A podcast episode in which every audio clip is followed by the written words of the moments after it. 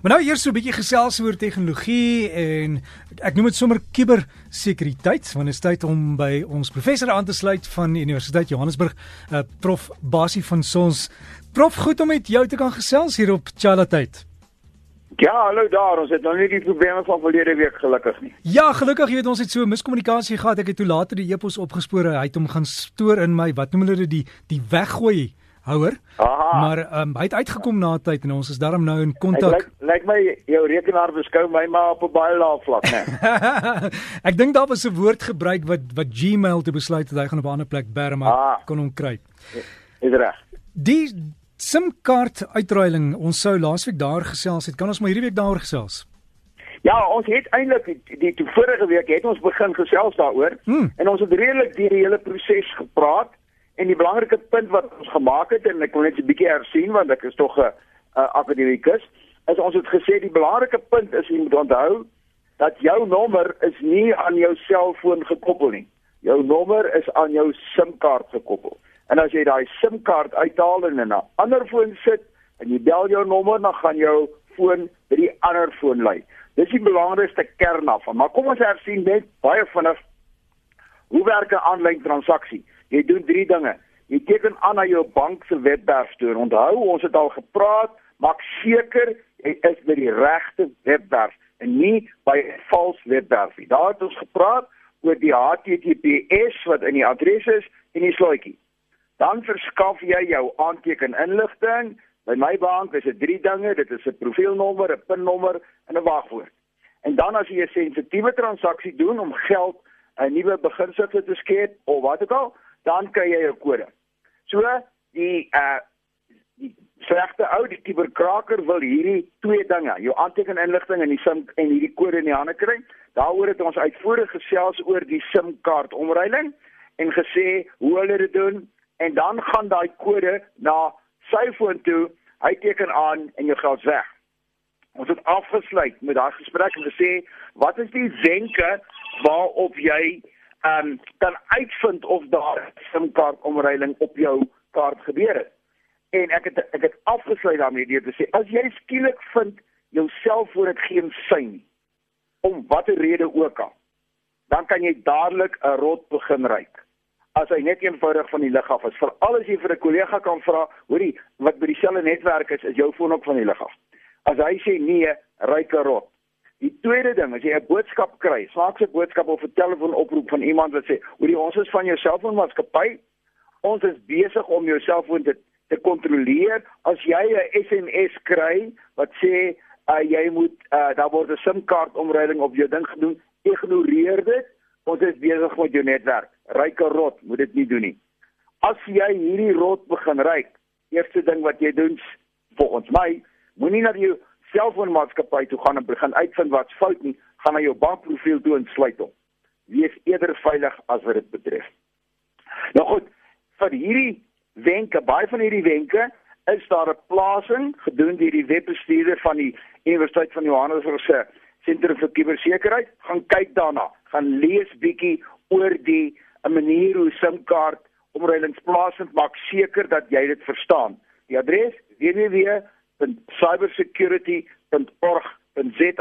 klein letters uh aan mekaar geskryf.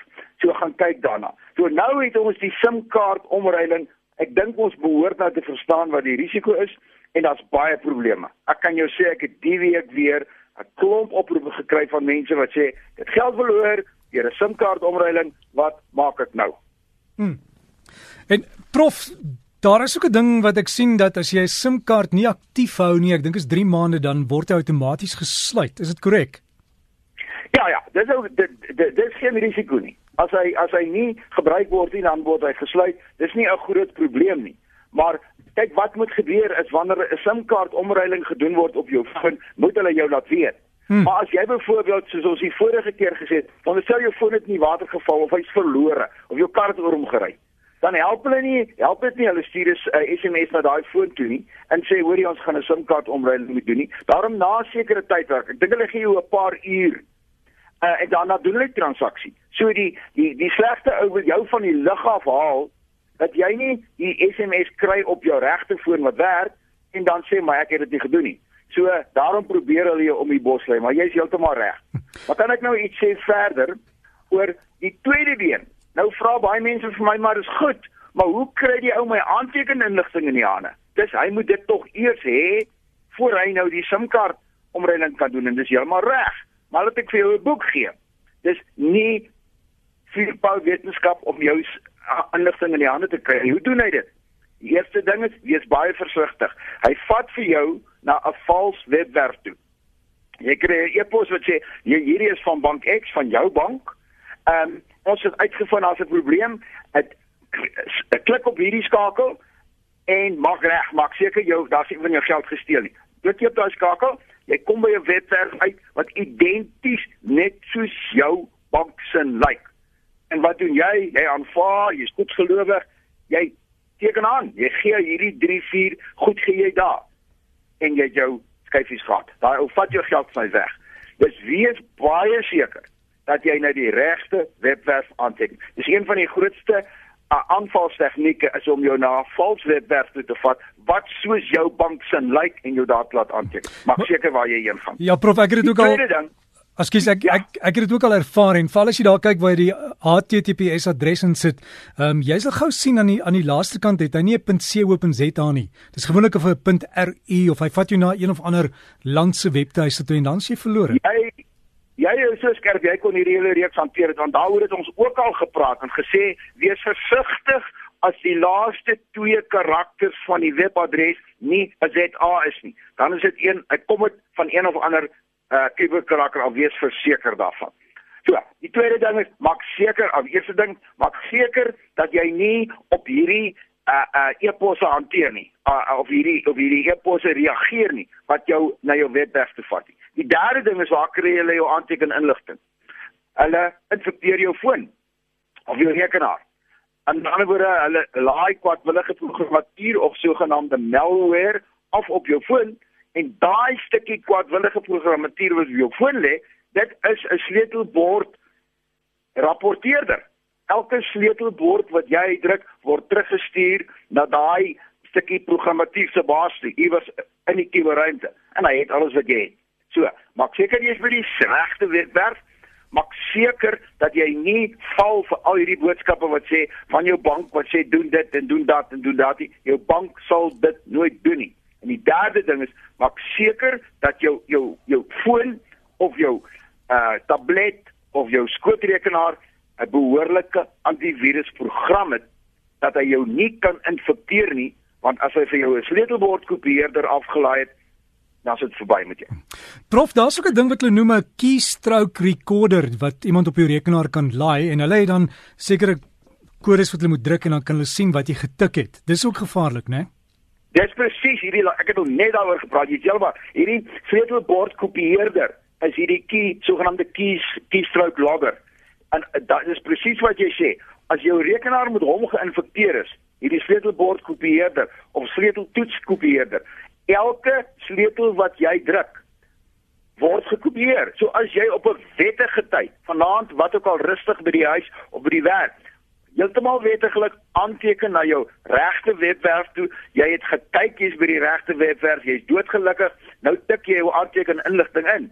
Dit gaan dan natuurlik na jou bank toe, maar dit gaan ook na Kippy Kiberkraker toe want hy kopieer elke sleuteldruk wat jy maak. Nou kan jy sien hoekom dit so belangrik is dat ons 'n behoorlike virusbeheerder, virus viruskontroleerder of opteller 'n antivirusprogram op ons rekenaar moet hê. Jy is heeltemal reg. En daai nou, ek wil Askies, ja. askies prof, daai kippie kiberkraker kan ook die pers persoon wees wat in jou maatskappy werk en deel is van jou IT span, hè?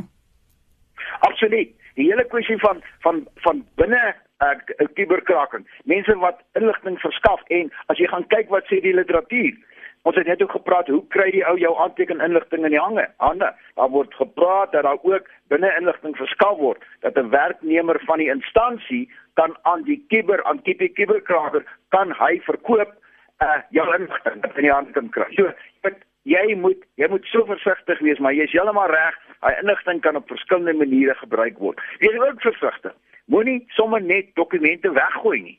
Baie keer het jy 'n uitdruk gemaak van jou bankstaat of wat ook al wees versigtig. Nog 'n wenk is moenie jou sleutelwoord oor en oor gebruik nie. Baie mense het een sleutelwoord vir Facebook en vir Twitter en vir die vir wat ook al gebruik hierdie selfde woord en vir sy bank sake. Baie baie gevaarlik. Sorg dat jy vir jou aanlyn bankprofiel 'n spesifieke lang moeilike wagwoord het wat jy gereeld verander gebruik die maklike wagwoorde vir jou sosiale netwerke, maar moenie dieselfde netwerk gebruik nie want dis as hy jou as hy jou sosiale netwerk kon kraak.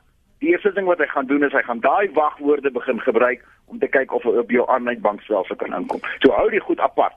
Prof, baie dankie vir al daai raad en alles van die beste en ons sal weer net vinnig afsluit hê. Hmm. Ehm um, my e-posadres rsgbasie by uh, gaan kyk daarna En vir volgende week wil ek net 'n bietjie die luisteraars uh, aan die dink sit. Uh, gaan ek bietjie wegstap van die finansies af en ek gaan bietjie praat oor WhatsApp wat onder deur ons almal gebruik word, wat deur ons kinders op skool gebruik word ensovoorts. En dink hieraan die wetlike voorskrifte van WhatsApp sê niemand jonger as 16 jaar mag WhatsApp gebruik nie. Ons gesels volgende week daaroor. Ooh, dankie prof vir daai en dis nou iets om aan te dink. En die webtuiste ook as jy wil gaan loer, dis cybersecurity. Ek het gou hier gaan kyk, cybersecurity.org.za. Wees veilig met daai kodewoord asseblief.